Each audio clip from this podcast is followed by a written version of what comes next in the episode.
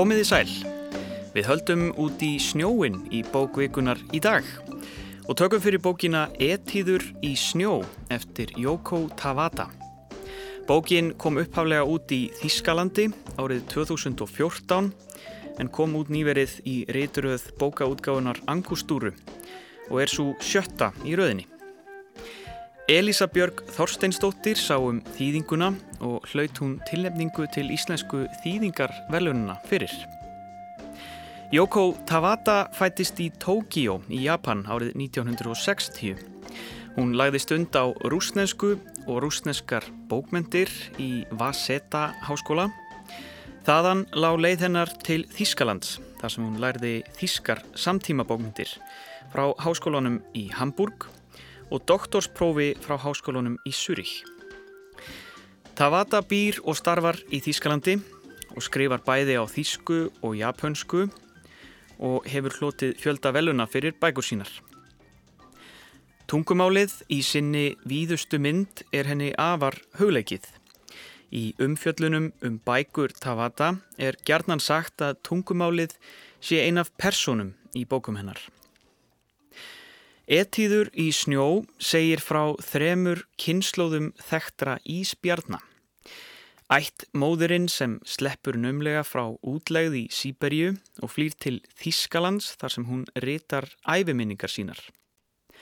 Toska, dóttir hennar, sem er hæfileikaríkur dansari í austur Berlín, semur sirkusatriðið Koss Dauðans í draumi með þjálfara sínum og Knútur, sonur Tosku, sem elst upp í dýragarðinum í Berlín, þar sem hann og Mattias, umsjónamaður hans, tengjast sérstökum böndum.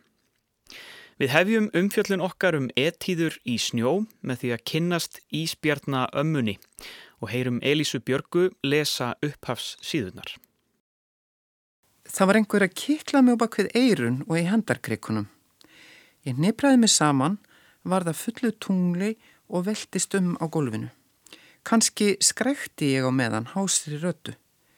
Síðan tegði ég afturöndan í átt til hímins og stakk höfðinu undir magan. Nú var ég mána sigð. Ég var enn of ung til að sjá fyrir mér neina hættu. Ég glendi endaþarmsopið híklaust framann í alheimin og fann fyrir honum í görnunum. Eflaust hefði verið hleið að mér ef ég, ef ég hefði talað um alheimin á þessum tíma því ég var enn svo lítil, svo fáfróð, svo ný í þessari veröld. Ef ekki hefði verið fyrir dúnmjúkan feldin hefði ég tæpast verið meira en fóstur. Ég gæti enn ekki gengið almennilega en það þóttu loppu hendurnar væri orðnar nú sterkar til að grýpa og halda fast. Í hvert sinn sem ég rasaði komst ég að vísu svolítið áfram en var hægt að kalla það gang. Yfir sjónsviði mínu lág sífæld þókuslæða, það bergmálaði í hlustunum. Ekkert sem ég sá og herði hafði skýrar útlínur. Lífsvilji minn bjó aðalega í klófingrunum og á tungunni. Tungan í mér myndi enn eftir bræðinu af móðurmjólkinni. Ég tók vísifingur mannsins upp í mig, saugan, það róaði mig. Hárin sem hugsu á fingurum hans voru stinn eins og í skópusta. Fingurinn skreið eins og ormur inn í munnin, hárin stungu mig. Svo potaði maðurinn í bringun á mér og skoraði á mig í glímu. Ég var örmagna eftir leiktíman og lagði báðar loppuhendurnar á gólfið og hög, högkuna ofan á þær. Í þessari líkamstöðu fannst mér best að býða eftir næstu máltíð. Hálf sofandi slekti ég mínar eigin varir, hunangsbragðið kom til mín aftur, enda þótt ég hefði ekki fundið hann um að einu sinni á æfinni. Dag nokkur batt maðurinn undarlega hluti á fæturn á mér. Ég reynda að hrista þá af mér en tókst það ekki. Ég fann til í berum loppuhöndunum eins og gólfið væri að stinga þær neðan frá. Ég lifti hægri loppuhendinni og strax á eftir þeirri vinstri en gati ekki haldið jafnvæginu og datt fram fyrir mig. Þegar ég snerti gólfið kom sársökin aftur. Ég ítti mér upp frá gólfinu, búkurinn tegðist hátt upp og aftur. Í fáinar sekundur gæti staðið upprétt. Eftir andartak dætti ég á ný í þetta sinn á vinstri loppuhöndina. Það var sárt og þess vegna ítti ég gólfinu frá mér aftur. Eftir allmarkar tilraunir tóks mér að standa á tveimur fótum án þess að missa jafnvægið.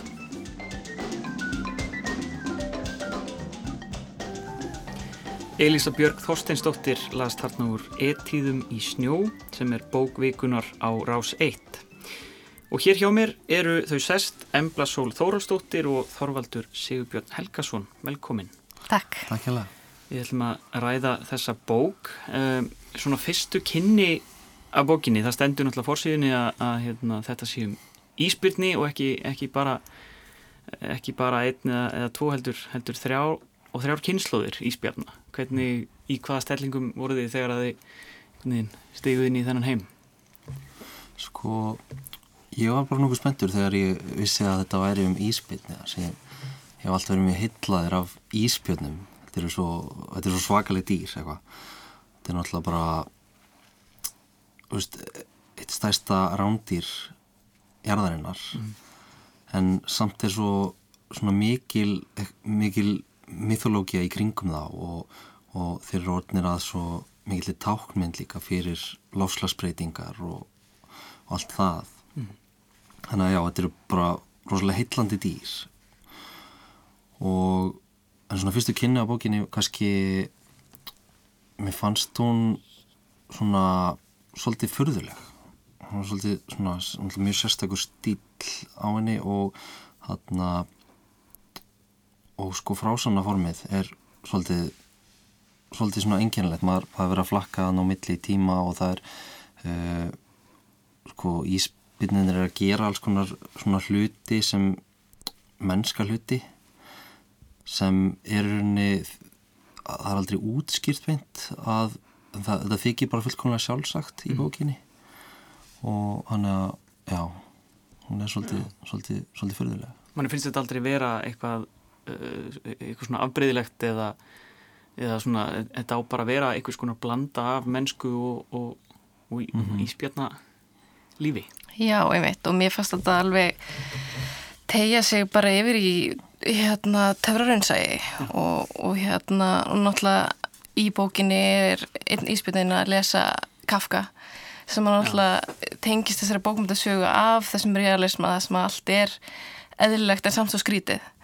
Og hérna e, þannig að mér fannst það alveg hérna skýna í gegnum um hérna bókina að maður trúði alveg að íspilninni væri að gera þessar hluti eðlilega mm, en hérna en samt var það alltaf eitthvað smáskrítið. Mm, og hérna og mér fannst það mitt líka gaman að þessum hérna þessum kynnslóðum mm. uh, ég hef oft gaman að bókum þessum að fara í gegn marga kynnslóðir og þá náttúrulega fylgist maður bæðið með sögunni og tímanum breytast og mm. kynnslóðunum með þannig að mér fannst það alveg bara mjög skemmtilegu partur á bókinni að, að fá í rauninu mismundi sín á, á þessar kynnslöður íspjarna sem mann alltaf mm -hmm. eins og segir eru að breytast rosa mikið e, bara okkar tímum mm -hmm. og, og eru mitt orðin þessi maður sér alltaf íspjarni sem svona e, í rauninni mynd fyrir gróðrúsar hérna, áhrifin. og, og, og hvernig þessar hérna, Já, þetta er viðkvæmt, algjörlega Elisabjörg uh, þýðandi nefndi í viðtali að, að við lesum kannski bækur ekki eins og við lásum sem börn. Okkur finnst uh, eitthvað skrítið við það þegar íspyrnir er að segja sögu sína og íspyrnir sé að haga sem menn. Eru við mm. kannski að glata einhverjum svona uh, einhverju kunnáttu í að lesa eins og börn? Að finnast bara, það geta bara verið hver sem er sem segir sögu og, og það er ekkit óðurlegt Mm, ég myndi ekki segja það en, en sko það sem svona aðalega trublaði mig sko í, við bókina var þetta ósamræmi að hún einhvern veginn um, sko fyrsti hlutin fjallar um þessa fjallar um ömmuna sem er að skrifa sína sínar endurminningar mm. og það er svona að var mest í þeim hluta sem það voru svona uh, svona aðvökk sem trubluði mig varandi, varandi þetta sko íspinnir að gera hluti eins og menn að skrifa og bara taka þátt í samfélaginu. Og það er önnur dýrna líka útgjáfandinn hennar er sæljón. Og það sem kannski trúblaði mig svolítið var þannig ósamræmið í því að því að svo setni í bókinni þegar við erum að tala um dótturinnar Tosku þá, þá getur hún ekki átt uh, þá getur hún ekki tekið þátt í samfélagi mannana á sama hátti svo mamminar hún getur ekki til dæmis talað uh, beint við, við þjálfvara sinn mm. það geta átt samskipti í gegnum drauma og, og gegnum eitthvað svona, svona innsæi en, en það geta ekki tala saman og, og, og þjálfvarinn hennar sem heitir hana, Barbara var það ekki mm. hún hana, segi, hún býðst til þess að skrifa sko, skrifa æfiminningar tosku fyrir hana af því að hún getur ekki skrifað það sjálf mm. sem er samt eitthvað sem hana, móðurinnar gata þannig að já, þetta er kannski ekki endilega ósamræmi en mm. þetta er svona þú mm. En þú nefnir hérna að það er, það eru þrýr kaplar, það er rétt að taka mm. það fram og þrýr já. í raunni hlutar, þetta eru, þetta eru mjög svona uh, skerana svolítið í þrjá hluta -hmm. og eru þessi ólíkindi ekki bara uh, svona, já, getur gert þetta þannig séð að þreymur sögum, þreymur mismöndi sögum þó að tengist gegnum þessar personur Jú, það er alveg hægt að líta á það þannig að hérna, þetta séu þrjármisnarsögur og, og um, eins og að segja þá eru sögumennandi mismöndið þannig að það er ekki sami sögumæður í gegnum alla bókina. Mm. um, en hins vegar teng, er þetta þannig sér línuleg uh, frásögn þar sem að uh, personuna tengjast. Mm og hérna eins og í öðrum hluta er verið að tala um fyrstu hlutan og, og hérna þá í rauninni amman hvað hún gerði og afrikaði og hvert hún flutti. Þannig að það er alltaf vísa fram og tilbaka um, innan kaplana, um að segja, hlutana mm. en þau, þó hlutarnir séu uppbyggðir allt öðruvísi. Mm.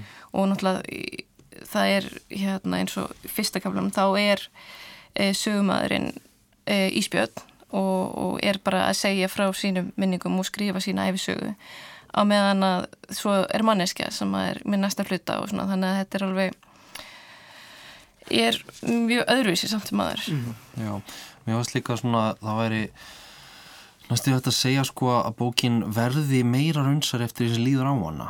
Sko fyrsti hlutin hann er svona hann er hvað mest svona játti það sem þú nefndir um þetta á hann sem kalla töfraraunsægi og sem reyndar sko veit ég að þýðandin þörtók fyrir það að þetta væri töfrarinsægi þannig að orðið svolítið kannski svona klísju orð en mér finnst það samt lýsa hérna bókinni ágætlega vel að því að... Hvað skilur akkur fólk tengir að við þetta? Já, að því að það er einhvern veginn sko verið að lýsa mjög óvinnlum aðstæðum eins og það séu fullkomlega eðlar eins og að Ísbjörn geti skrifað og Ísbjörn uh, heima í íbúð í hérna í, í Moskvu. Mm -hmm og hann að, en eftir þessi líður á bókinu þá einhvern veginn sko fannst mér þetta svona og svona hún var í dregin meir og meir inn í raunveruleikan mm.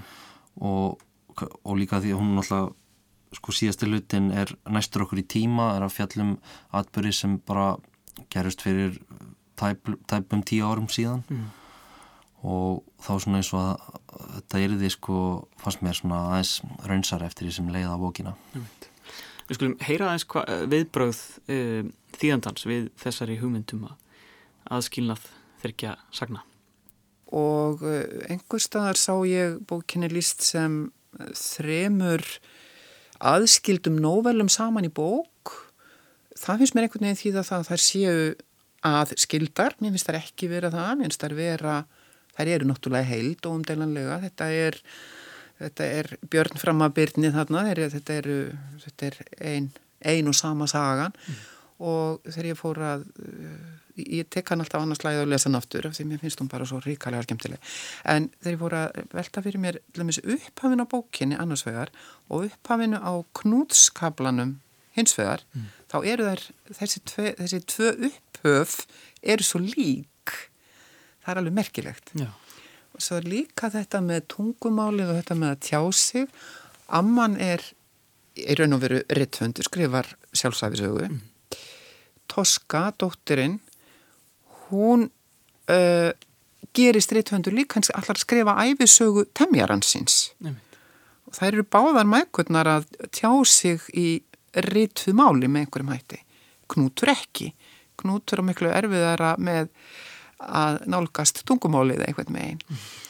og það kemur líka dáltið merkilega fram þarna í kaplanum um knút að til að byrja með segir hann ekki ég, hann kann ekki á fyrstu personuna, hann veit ekki hver hann er mm. hann þarf að skilgreina sig til að kunna segja ég og gerir það allt í enn í miðjum kapla af því að það er einhver illa innrættur annar björn sem að fyrir að stríðanum fyrir það að tala um sig í þriði personu og þá dætt mér í hug líka að hérna, Jóko segir það í einhverju viðtali að eh, orði ég á japansku sé til í mörgum útgáðum, ég tekka fram ég kann ekki japansku ég er öðruvísi ef ég er svona virðulega eldri dama heldur en ef ég er smástrákur. Hann segir öðruvísi ég heldur en ég myndi gera. Mm. Kannski er það, kemur það þessu máli einhvern veginn við líka. Er, þetta með tungumálið er henni alveg feikilega hugleikið. Mm. Með sko öllum í allar áttir einhvern veginn, bæði það að færa það, að búa það til, að endur nýja það, að nota það með mismunandi hætti og að gera það í raun og veru eins og einhverju speikingar hafa sagt að nánast personu í bókinni. Og þegar að búið er að segja manni þetta þá tekum maður betur eftir því heldur en þegar maður er að lesa í fyrsta skipt þannig að ég mæli bara með að lesa henni á margsinnis það kemur alltaf eitthvað nýtt Elísa komað inn á tungumálið og það náttúrulega er stór hluti af hundaverki Tavata og einhver staðar var sagt að, að tungumáli væri gerðan eins og, og hálfgerð persóna í bókonum en um, þetta, þetta er svolítið um það allar þessar þrjár sögur fjallað um það hvernig við kannski öðlumst tungumálið og, og hvernig við notum það en líka hvernig við missum það og hvernig einhverjir aðrir reyna að hafa áhrif á eða reyna að stjórna því. Er þetta, er þetta ekki svolítið sögur um um bara það að vera mennskur í eða dýr í gegnum tungumál? Jú, það er alveg klálega sko og það sem ég fyrst áhugavert við það er þegar við horfum á sko þessa hugmynd um mannréttindi og dýraréttindi og það er mitt einn setningina sem sló mig í bókinni sem er hérna ef menninni vilja hafa mannréttindi verða þeir að veita dýrunum dýraréttindi mm -hmm. og mér finnst þetta svolítið áhugavert í ljósið þess svo að segja sko að þetta fjallar um rauninni það að öðlast tungumál og glata því aftur og og að því að við menninir erum alltaf að tala fyrir dýrin mm. við getum ekki tala beint við dýrin og veist, spurt þau hvernig þau hafa og þess vegna erum við alltaf að tala fyrir þau tala, og, og annarkvárt tala málið þeirra eins og sko núna er alltaf mikið umræðinni með sko veganisma og, og, og loslasbreytingar mm. eða þá að við erum að taka frá þeim eh, ákvörunaréttin og taka frá þeim já, bara með því úst, að vera að að, að drepa þau og svona að taka þeim land hana, já. já, mér fannst einmitt eh, þessi hugmynd um mannréttindi mjög fyndin og bara orðin svolítið komisk þegar þeir voru að tala við Ísbjörn, vilt þú vera talsmaður mannréttinda? Þú hún sagði ég er ekki eins og maður um, og hérna og náttúrulega, já, Amman, hún fer líka millir landa og gerist innflytandi og þarf að læra nýtt tungumál, þarf að læra þýsku mm. og, og svo hugsaður hún sér, já, ég vil fara til Kanada því það er kaldara, mm. en þá hugsaður hún, já, ég þarf aftur að læra nýtt tungumál, læra ennsku mm. og tungumála er svo mikill partur af því hverju við erum og, og hérna, þú voru alltaf að tala, um, það var einhver að segja, já, þú voru að skrifa móðumáluninu en hún, hún sagði já en hérna tungumáli sem að þú vilt að ég skrifa og er ekki einu svona móðumálum mitt að maður er, einmitt fólk eru ofta áætla fyrir aðra hvað, mm. hvað er þeirra já. og hvað sé best hvað sé best, einmitt já.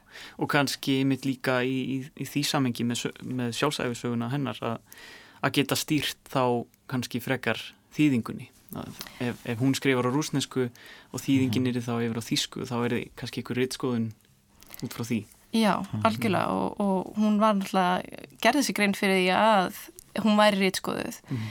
um, en náttúrulega sá partur á sjöfning líka gerist á þeim tíma það sem að rittskoðun er e, bara stór partur á sjöfunni og, mm. og hérna og maður veit að rittskoðun var í gangi á bara mörgum stöðum heimsins um, og hefur haft áhrif á söguna eins og við þekkjum hana. Mm. Stór hluti af uh, öllum sögunum er sjónarhóttn og hvernig það hefur áhrif á hver á hverja sögu. Það er, í, í fyrstu sögun er það kannski svolítið skýrt að það er amman í spjörnin sem að svona svolítið á þá frásögn en svo er önnur annar kaplinn þar sem að Toska dóttirinnar uh, hún er ekki að segja söguna. Og svo er sagan um Knút. Þá er hann hálfa söguna að átta sig á því að hann er einhvers konar ég. Þannig að það er Já. líka einhvers konar svona sjálfsmyndar hugmyndunum sjálfsmynd í þessu. Það er mjög áhugaverið skiptin sko sem uh, hún Elisa þýðandin myndist um þetta á sko þegar Knútur hann átta sig á því að, að hann veit ekki hann er ekki með þetta orð ég. Mm. Hann er búin að vera skilgræni sjálfans í þriði personu og þetta er svona, svona næstu í tvist í bókina því að maður heldur það er alltaf að vera að tala hann í þriða hlutan hlutin byrjar á þriði personu frásög mm. og svo koma þessi skipti og það sem Knúti er bent á að hann er alltaf að tala um sjálfans í þriði personu og þá færist frásögin yfir í fyrstu personu þannig að maður gætir veist, maður getur unni ímyndið sér að Knútur hafi verið að segja sögun allan tíman hann hafi bara ekki haft sko börðina til þess að tala um sjálfans í, í fyrstu personu mm. Akkurat.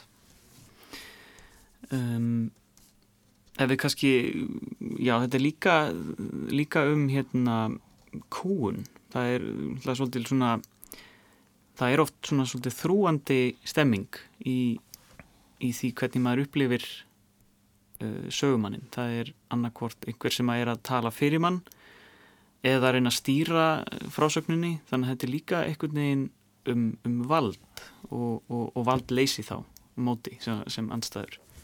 Já og mér fannst það einmitt líka sína sig bara í aðstæðanum um, í fyrsta hlutanum þá er hún komin í nýtt land og þá byrjar fólk að reyna reyðstýrinni meira mm. í öðrum hlutunum þá er hún í, í búri en samt aðeins frjálsari af því hún er uh, í rauninni getur tengst þjálfara sínum og svo í síðastu hlutunum er, er komin í dýragarð og þannig að hérna, með því að, að í rauninni þraunga að dýrunu um, inn í búr mm. að þá ertu líka takmarka í rauninni tjáningu og, og hérna hvernig sjögumæðurinn í rauninni getur sagt frá mm.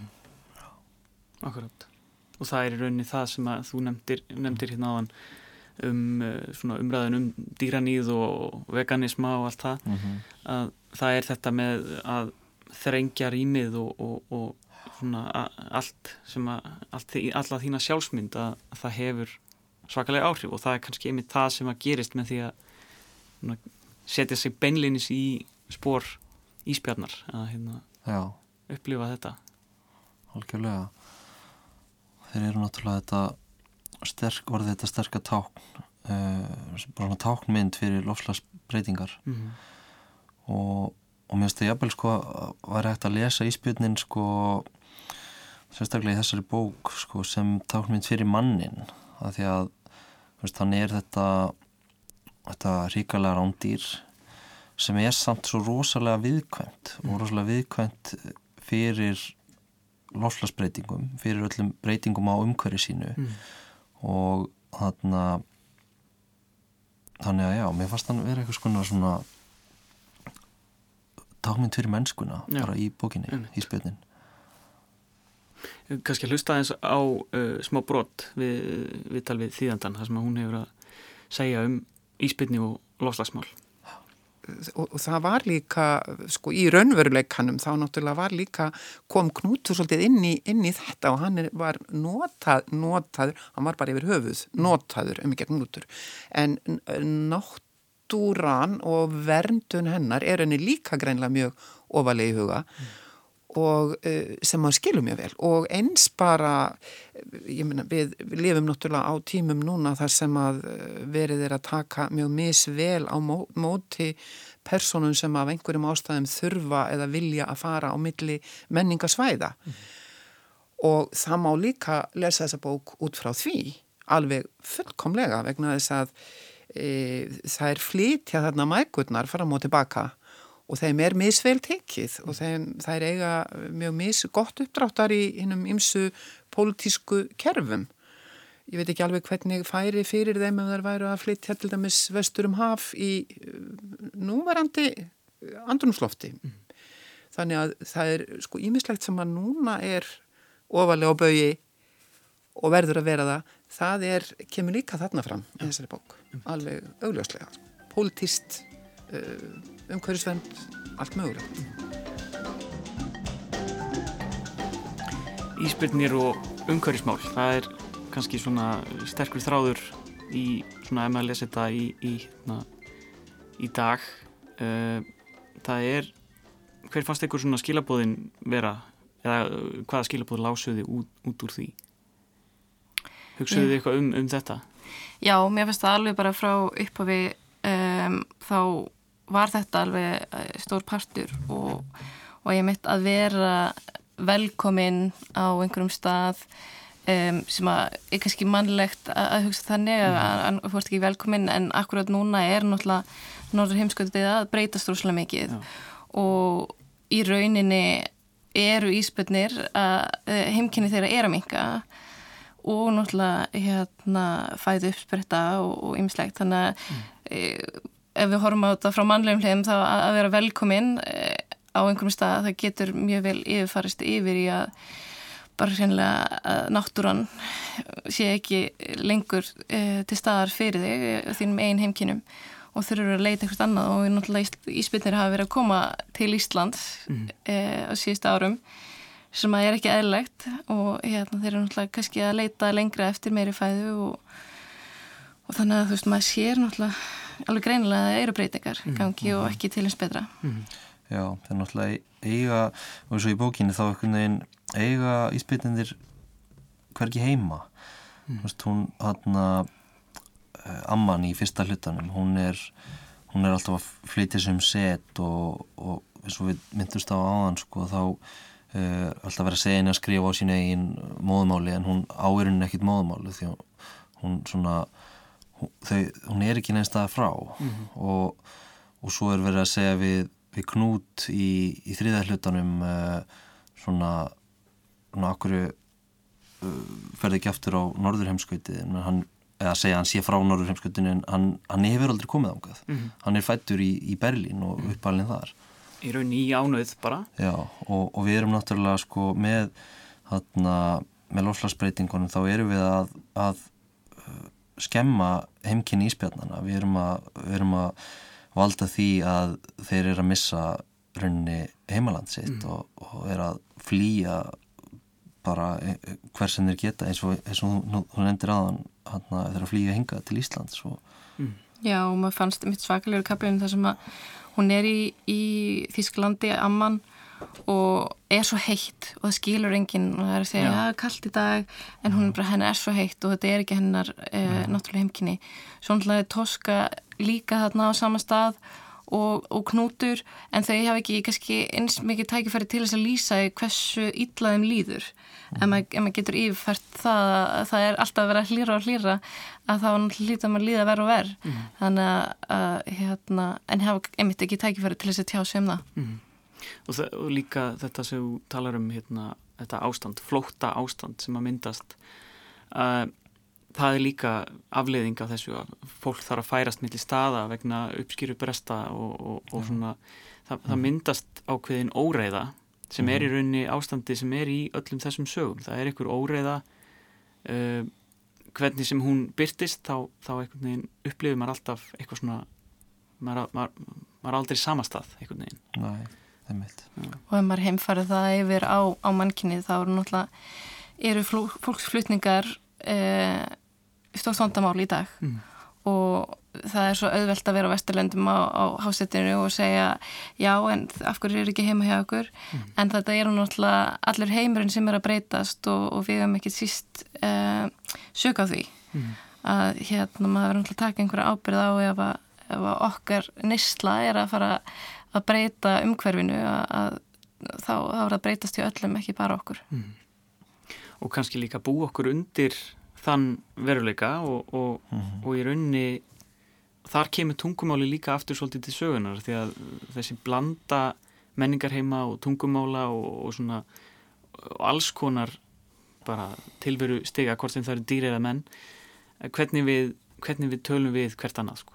mm -hmm. og, og það er í rauninni kannski einhver, einhver svona stór stór frásögn í þessari bók að, að það sé einhver svona undirbúningu fyrir að, að þetta sé það sem koma skal Já, einmitt og svona talaði um það áðan að mjög stíspinni verið eins og svona tákmynd fyrir mannkynni það því að rauninni það sem er að gerast við íspinnina Mm. núna, það er það sem mun gerast fyrir okkur eftir einhvern uh, fjölda ára Mm. Við munum lenda í þessum íspinnir, þetta er bara gerast fyrir íspinnina aðeins fyrr. Mm. Að missa heimkynni sín og, og þurfa að flýja eitthvað annað og og, og missa kannski svolítið svona tökin á því hver þú ert og, og, Já, algjörlega. og hver ræður í rauninni því, Mhm. þinni tilveru. Það er kannski í okkar tilfelli mm bara náttúran sem við erum að, að, hérna, að breyta sem að Mhm. mun svo stýra okkur á endanum. Já, Já, en um, bókin almennt og heilt yfir hvernig, hvernig fannst ykkur svona bara textin mér fannst hún mjög skemmtileg Mm. og ég verð bara að viðkynna það, ég hefði gengst um hana áður Mm. og hérna ég mun algjörlega að lesa meira eftir, eftir þennan höfund um, ég veist e, með svona e, svolítið ljóðrætt stíl í byrjun og svona flæðandi í rauninni stíl mm. uh, flæðandi tungumál og, og svolítið skemmtilegt hvað um, hún byrjaði ekki með eitt og, og kláraði það út í gegn heldur. Þetta var, maður var alltaf að þróast með bókinni og, og hérna í rauninni átta sig á, á nýjum sögumennum og, og, og nýjum personum þannig að ég hefði virkilega gaman að henni.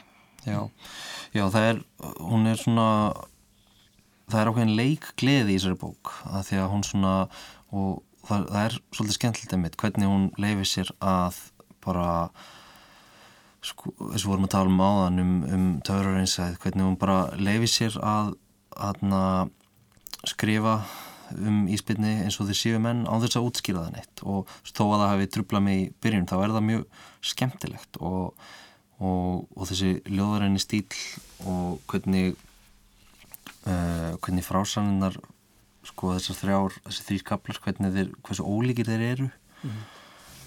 Og það var að tala um að þetta geti verið sko rinni þrjár nóvelur en þetta er samt náttúrulega og þetta er ein frásögn og það kannski myndi mig smá á sko frá svona mátin myndi mig smá á bókinu að græmveitisætan eftir hann Kang. Mm. það eru svona, hún skiptist í þrjá hluta sem eru með þremur mismunandi sögumönum og mismunandi frásanar aðferðum en er samt ein heild, ein saga. Og, og með svona, það er svona, ég mér finnst gaman að bera, bera það saman þessar bækur. Ef við ræðum uh, titilinn á bókinni Ettíður í snjó þá er uh, þá fletti ég upp skilgjörninginu Ettíðu verandi ekki, ekki mentaður í klassískri tónlist en tónsmíð samin til að þjálfa tiltekna tækni í hljóðfæraleg einnig heiti á koncert tónsmíðum sem krefjast mikildar leik tækni Þetta eru svona einleikir og það er náttúrulega það sem þessi bók er, hún er svona hálkir þrýr einleikir. En svo hugsaði ég líka um uh, að á frönsku þýðir það einhvers konar lærdómur eða það að læra. Þannig að það er aftur tafata með leik að tungumálinu. Hugsaðu þið eitthvað um titilinn? Já, ég hugsaði mitt hérna þegar Amman fjekk ekki að nefna sitt eigið verk að þá fannst mér mitt svona smá hérna, eins og þetta gæti verið titillin á verkinu hennar. Um, en ég mitt þurfti líka mitt að fletta upp hva, hvað þetta þýðir og það er svolítið skemmtilegt fannst mér hvern, hvern titillin er grípandi að því þetta er greinilega íslenskt orð en maður, um, maður þekkir það ekki. Og náttúrulega skemmtileg þýðing á um, ég hef náttúrulega sé ennska titilinn ég tala hvorki japanskunni þýsku. Já, ennski tillin hann er allt annar, hann er Memoirs of a Polar Bear. Já, einmitt. Er svona- Ekki eins ljóðrænt svona Nei, og, og fyrir heitið. nei, það er, kannski, nei, það er svona skýrari titill. Mm. Heitíður í snjó er svona óræðari. Já. Og það er einhver svona einmannalegi og kannski ónáttúrulega kuldalegt í snjó mm -hmm. svo er þetta um íspyrni þannig að maður er strax komin út í kannski á einhvern svona pínu sorglegar sorglegar slóðir Já, eða, eða, eða svona bara fallegar slóðir þetta er Mm. svona fallegur og uh, titill vísar í klassiska tónlist Mhm. og maður svona, já svona fær- mynda einhverju svona einhverju svona ægi fegur sem þarna norður heimskauti er sannlega og svo fannst mér enda líka því að þau eru í sirkus og hérna eru alltaf að læra að leika einhver atriði, einhver bröð uh, og mér finnst það kannski svolítið einmitt vísin í það hvað hérna þennan sirkus heim og, og setja á svið eitthvað sem að er bara einmitt læst eftir eða leikið Já, það, kannski sirkusin er svolítið svona skýrbyrtingamind um það að það er alltaf verið að skipa þér fyrir Já, en loka afurðin er afþreying. Einmitt. Og einhver, sem, að, sem að fyrir öðrum, fyrir gestunum virðist bara vera skemmtun. En á bakvið það er náttúrulega uh, já, bara pyntingar og, og, og hérna dýranið sko. Já, algjörlega og ég meina þetta er líka við vorum hjá Knúti sko í hann þriðja hlutanum. Þó hann sé, hann er í dýragarði og það er ekki svona jafn struktúreruð uh, skemmtun eins og sirkusinn. En hann lítur samt alltaf á það sem síningu þegar hann er að leika sér við Mattias uh, hann að hvað segir, maður, fóstran sinn eða- Já, já, og hann, hann er að leika sér við hann og, en, og þeir eru að leika sér uh, á hól þar sem fólk er að fylgjast með þeim. Mhm. og, og þetta lítur út til að vera mjög spontant en, en, en þeir líta báðir á þetta sem, sko, sem síningu einmitt. Og er að struktúrera að hugsa um hvað þeir eru að gera og rétt eins og í sirkusnum.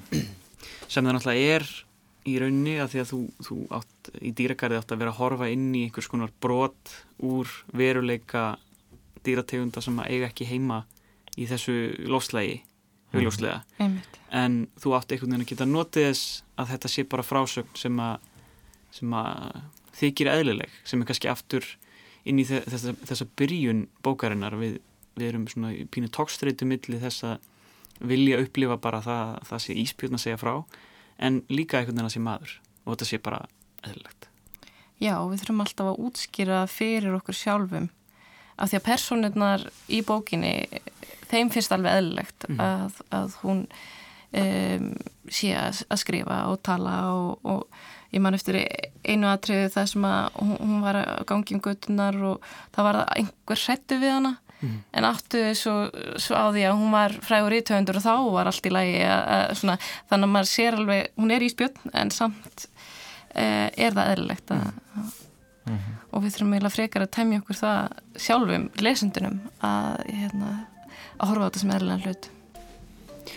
Og þannig ljúkum við bók vikunar af þessu sinni. Embla og Þorvaldur, takk kærlega fyrir komuna. Takk, takk. Takk fyrir